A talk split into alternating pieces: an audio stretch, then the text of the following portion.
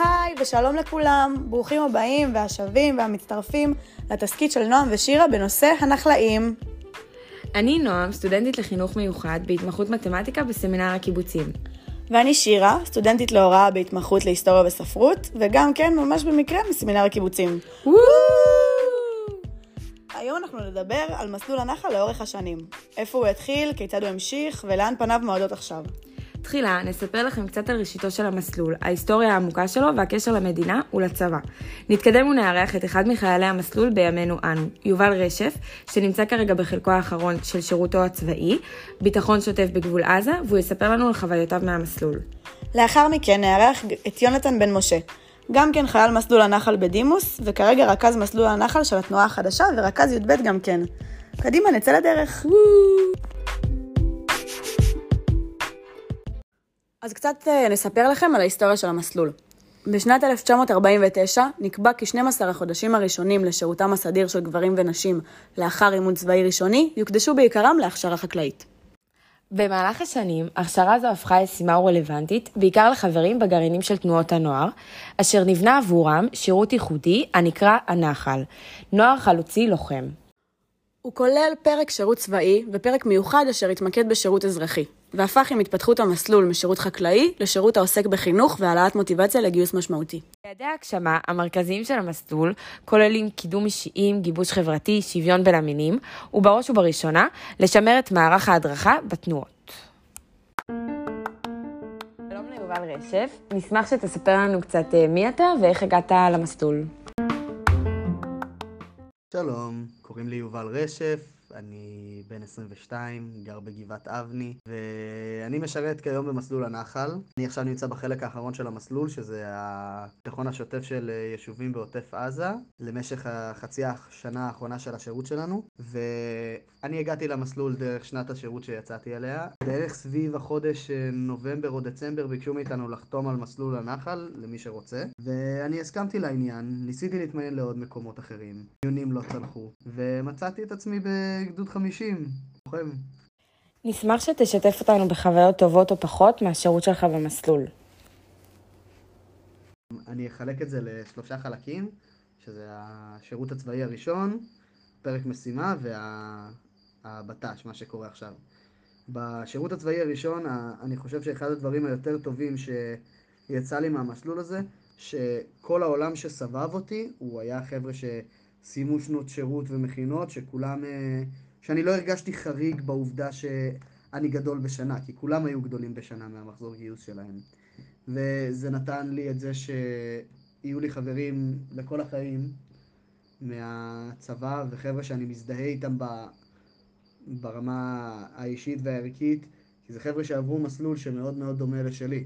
כולנו חווינו שנת שירות, כולנו יודעים איך זה לגור במשותף עם אנשים, זה לא הפתיע אותנו הדברים האלה. אמ, הדבר שהיה יותר קשה בצד הזה זה לעבור שירות של אה, חירניק רגיל. חלמתי להתגייס למודיעין, אבל uh, בסוף קיבלתי חי"ר. שירות בתור לוחם הוא לא כזה קל. את הפרק משימה שלי אני עשיתי במועצה אזורית רמת הנגב, ואני והגרעין שלי גרנו בכמהין, שלמי שלא יודע זה חור אי שם ליד מצרים, רחוק במרחק שעה וחצי נסיעה מבאר שבע. הפרק משימה לימד אותי המון דברים. קודם כל, אה, זה קירב אותי יותר לחיים אזרחיים, קצת עשה לי הכנה. אני עבדתי עם אנשים שלא היו עם מדים והם לא היו תחת המסגרת הצבאית. הם לא פקדו עליי דברים, או שלא הייתי מאוים באיזשהו עונש כל הזמן, או, או, ש, אה, או שהם היו המפקדים שלי והייתי חייב לבצע את הדברים שהם עשו. הכל התנהל בשיח, וכמו שדברים מתנהלים בעולם האמיתי. הדברים הקשים שכן אה, יצא לי לגלות, שגם בעולם האמיתי לא קל להתמודד עם אנשים. והמון המון ריבים עם הרשות שעבדנו תחתיה, ועם הצבא שעדיין היה חלק מהפרק משימה, אבל uh, בסופו של דבר החיים המשותפים עם uh, גרעין, שאתה בחרת ואתה הקמת, חוויה מדהימה לגמרי, ואני נהניתי שם בטירוף. והחלק האחרון של המסלול זה הבט"ש. בנים, אה, בגלל שהצבא הוא מאוד מאוד אה, לא שוויוני, עושים את המסלול הזה שלוש שנים וחודשיים, שזה חצי שנה יותר ממה שבן רגיל משרת. חוויה רעה מזה שכל התשתיות שלנו הן לא נגישות, אה, לראות רופא זה מטלה מורכבת, לקבל תרופות בכללי זה גם בעיה. והמשימה פה היא ברמת הטירון. אנחנו חבר'ה שעברו שנתיים שמונה בצבא ויודעים קצת איך להתנהל, וזו משימה ש... שבדרך כלל היא מוקצת לטירונים. היתרון היחידי בזה שחלק מהסגל תומך בנו ומבין שהמצב שלנו הוא די אבסורדי, שאנחנו אומרים שאנחנו ממחזור נוב 18 וכולם מסתכלים עלינו ושואלים אותנו, מה אתם עדיין עושים פה? יש אה, תמיכה חלקית ומנסים להרים את המורל, ואני חושב שאם לא החברי מחלקה שהיו איתי אז בשירות הראשון, אם הם לא היו נמצאים איתי עכשיו, אני לא הייתי יודע איך, אני שורד, איך הייתי שורד את החצי שנה הזאת. מה אתה חושב שהצלחת להרוויח מהמסלול, לעומת מה הצבא הרוויח או הפסיד מהשירות שלך במסלול? אני חוויתי את המסלול כלוחם, ומנקודת המבט שלי, אני הרווחתי מהמסלול הרבה יותר ממה שהצבא הרוויח ממנו. בשירות הצבאי שלי כלוחם אני למדתי להתמודד עם מצבי לחץ, וכל מה ש... ו... ועם קשיים, ועם שטח, ועוד המון המון דברים, כל מה שלוחם רגיל לומד להתמודד איתו. ואני גם חוויתי את הפרק משימה, שלמדתי איך זה לחיות בדירה עם שותפים, איך זה לעבוד עם אנשים ולא להסתדר גם עם האנשים שאתה עובד איתם, ולעבוד uh, שעות uh, נוספות ולחוות טיפה חיים יותר uh, אזרחיים, זה היה כמו, כמו הכנה.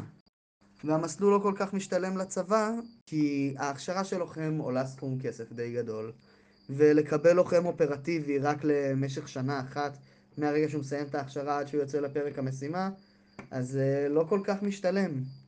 זה חבל להגיד, אבל uh, זה, זה אחת הבעיות של המסלול, וזה למה גם משאירים את הבנים עוד חצי שנה, כי, כי צריך איכשהו לנצל אותם מספיק כדי שהמסלול יהיה יעיל. אז uh, קודם כל אנחנו רוצות להודות לך על הרעיון, uh, ואם תוכל ככה לסכם לנו את השירות שלך במשפט שניים. סיכום של השירות שלי במשפט או שניים, זה יהיה שהשירות שלי הוא אוסף של גם חברים וגם חוויות שאספתי. זה אוסף מאוד מאוד מגוון, והחברים והחוויות האלה יישארו איתי לכל החיים. ומשהו שלמדתי מהמסלול עצמו, זה שדברים לא תמיד ילכו כמו שאני רוצה. אפילו לרוב הם לא ילכו כמו שאני רוצה, אבל שצריך להתמודד עם זה ולשמור על חיוך, על... עם... ולהישאר עם חיוך על הפנים, וכדי שאני אצליח להתמודד איתם. אם אני אהיה בבאסה, אני לא אצליח להתמודד ב... עם כלום. תודה שראיינתם אותי, שיהיה לכם אחלה תואר. יאללה ביי. תודה רבה על שיתוף הפעולה, יובל, ונעבור לאורח השני שלנו. נשמח שתציג לנו את עצמך. אז קוראים לי יונתן, בן משה. אוקיי, ומה אתה עושה בעצם עכשיו? אז בגדול, אה, אז את השירות הצבאי שלי עשיתי באמת במסלול הנחל. עשיתי, הייתי לוחם בגדוד 50, ואחר כך הייתי בפרק משימה בחבל תענך בספטמבר לפני שנה. זאת אומרת שאני כבר שנה וקצת בתפקיד, אה, הציעו לי להיכנס אה, אחרי כזה שהייתי במגוון תפקידים ומלווה קומונות, וכל הזמן הזה הדרכתי את אותו גרעין נחל. אה, הציעו לי להיכנס, לרכז את הנחל. בתנועה החדשה, ובעצם לקחתי את התפקיד הזה, ומה שאני עושה כיום בתנועה, אני בעצם מרכז את גרעיני הנחל שקיימים לנו בתנועה. ספר לנו איך בעצם חותמים למסלול הנחל. ששנת שירות היא בעצם שנת הכשרה לנחל, היא שנת מעבר. אצלנו, הם מגיעים לשנת שירות, שהיא כאילו האמצע של הדבר הזה המרכזי. ואז מציעים לך לחתום ואז מציעים אופציה לחתום גרעין נחל, כן. אוקיי, הבנתי. למרות שצריך להגיד שהמדינות, זה משתנה, כי אין מספיק, אה, מדינת ישראל מקצצת את המספר דחשים לשנת שירות כל שנה, אה, ולכן היא הורה לעצמה ברגל, כי אז הדרך היחידה להגדיל שנות שירות זה עם דחש נחל. ואז אתה מביא אנשים שחתומים לנחל בלי שהם רוצים את זה. ואז מה שזה יוצא, שהמסלול ממש נפגע מזה.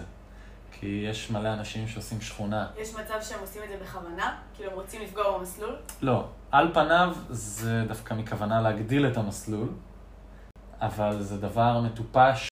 מה התנועה מקבלת מכך שהיא שולחת את חניכיה למסלול הנחל? מסלול הנחל, מבחינתם, הוא מכשיר כדי ליצור את תנועות הבוגרים האלה, כדי ליצור הגשמה של אותן תנועות שהם מסמנים, אוקיי, הגשמה זה קיבוצים עירוניים, ההגשמה היא צורה שונה ממה שהיה עד היום, אנחנו מבינים שצריך להתאים את עצמנו למציאות הקיימת. זה הופך אבל את התנועה למשהו מאוד אה, מיליטנטי, כאילו, לא? מה, בזה שהיא לוקחת... בזה שכאילו שירות מסלול- צבאי הוא כן, דבר מעצב. שזה חלק מה, מהתנועה גם. טוב, אז זה יוצא לדיון אחר. אני- אז התחלתי להגיד לפני. ההקלטה, אה, אמרתי שכאילו אני רכז נחל ויש לי הסתייגויות על המסלול הזה, ואני חושב שההסתייגות הבסיסית ביותר, וזה כאילו... לפעמים אני שואל את עצמי בשקט את השאלה הזאת, בסוף המטרה היום של פרקי המשימה בנחל, פרקי המשימה, היא העלאת אחוזי גיוס. לא חינוך, ככה כתוב? כן, כן, כן. לא חינוך, עכשיו זה משבר, נכון? כי אנחנו אומרים גם לחניכים שלנו, חינוך, חבר'ה, זה היה ככה מגשימים ציונות.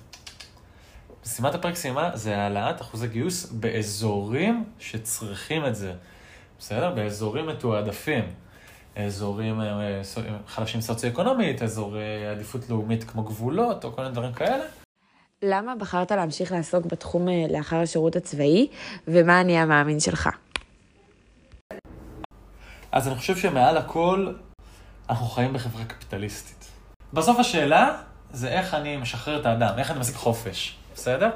ולמה אני מחנך? כאילו, אני, אני קורא לעצמי מחנך מדי פעם. ואז נשאלת השאלה, מה הכלי שיש לי להעביר אנשים, איזה תהליך אני יכול להעביר אותם, כדי שהם יהיו יותר חופשיים, או יבינו דברים על העולם, בסדר? כי יש לי אמירה בתור מחנך, אני לא איזה דף חלק. אז אני חושב שבכוונה שלי, א', עם כל מה שאמרתי, עדיין אני מאמין שצה"ל הוא צבא הכרח. עדיין אני מאמין שצבא העם הוא חשוב, כי אם לא, זה יקרה מה שאמרתי על צבא ארצות הברית ועל זה שבסוף הפריפריה הגיאוגרפית והחברתית, בעיקר החברתית והסוציו-אקונומית, תהיה אותם לוחמים, ומי שלא, אז או לא יהיה בצה"ל, או יהיה האיש שלוחץ על הכפתורים, או הזה שיוצא לו משהו מצה"ל. ואני חושב שמסלול הנחל, במה שהוא מאפשר, זה קצת לחזק את הדבר הזה. צבא העם מצד אחד. אה, אני לא מסכים עם מטרת פרק המשימה בהכרח, למרות שאני חושב שהיא חשובה, שזה קושי שאני חושב שהרבה תנועות ואנשים מחזיקים במסלול הזה, וגם חניכים בתוך המסלול. ואני עדיין חושב שמסלול הנחל הוא המכשיר הכי טוב שקיים היום בחברה הישראלית, ליצור קבוצות.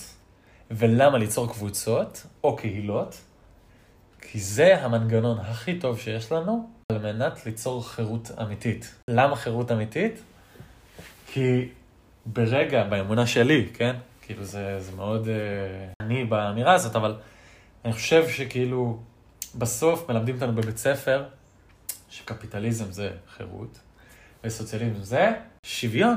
שוויון. נכון? מלמדים אותנו לבגרות בצורה הכי בסיסית ומטופשת. אבל בסוף, המטרה הסוציאליסטית, כאילו, שגם עליה הוקם סלון הנחל, או תנועת העבודה מבוססת עליה, ואולי הציונות, היא חירות, היא שחרור האדם. ואיך היא עושה את זה?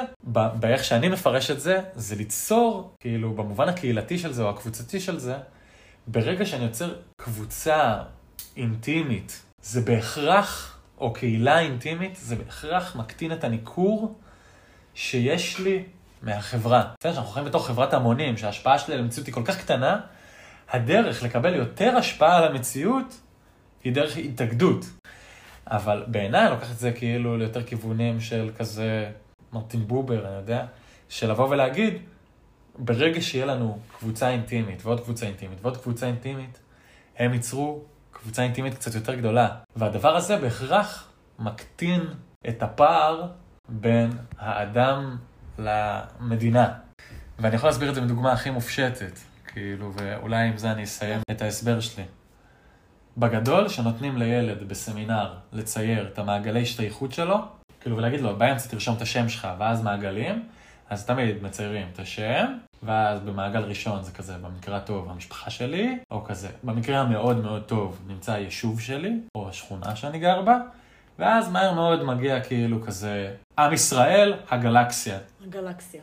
ובסוף המטרה זה להקטין את הפער, זה ליצור עוד מעגל בין לבין של קבוצה אינטימית שמנהלת קשרים שהם גם קשרים תרבותיים, גם אינטימיים, גם משימתיים, וואטאבר, מה שהיא תבחר לעשות, אבל שהיא בהכרח מגדילה את ההשפעה שיש לי על העולם, ובהכרח מקטינה את הניכור שיש לי מחברת ההמונים.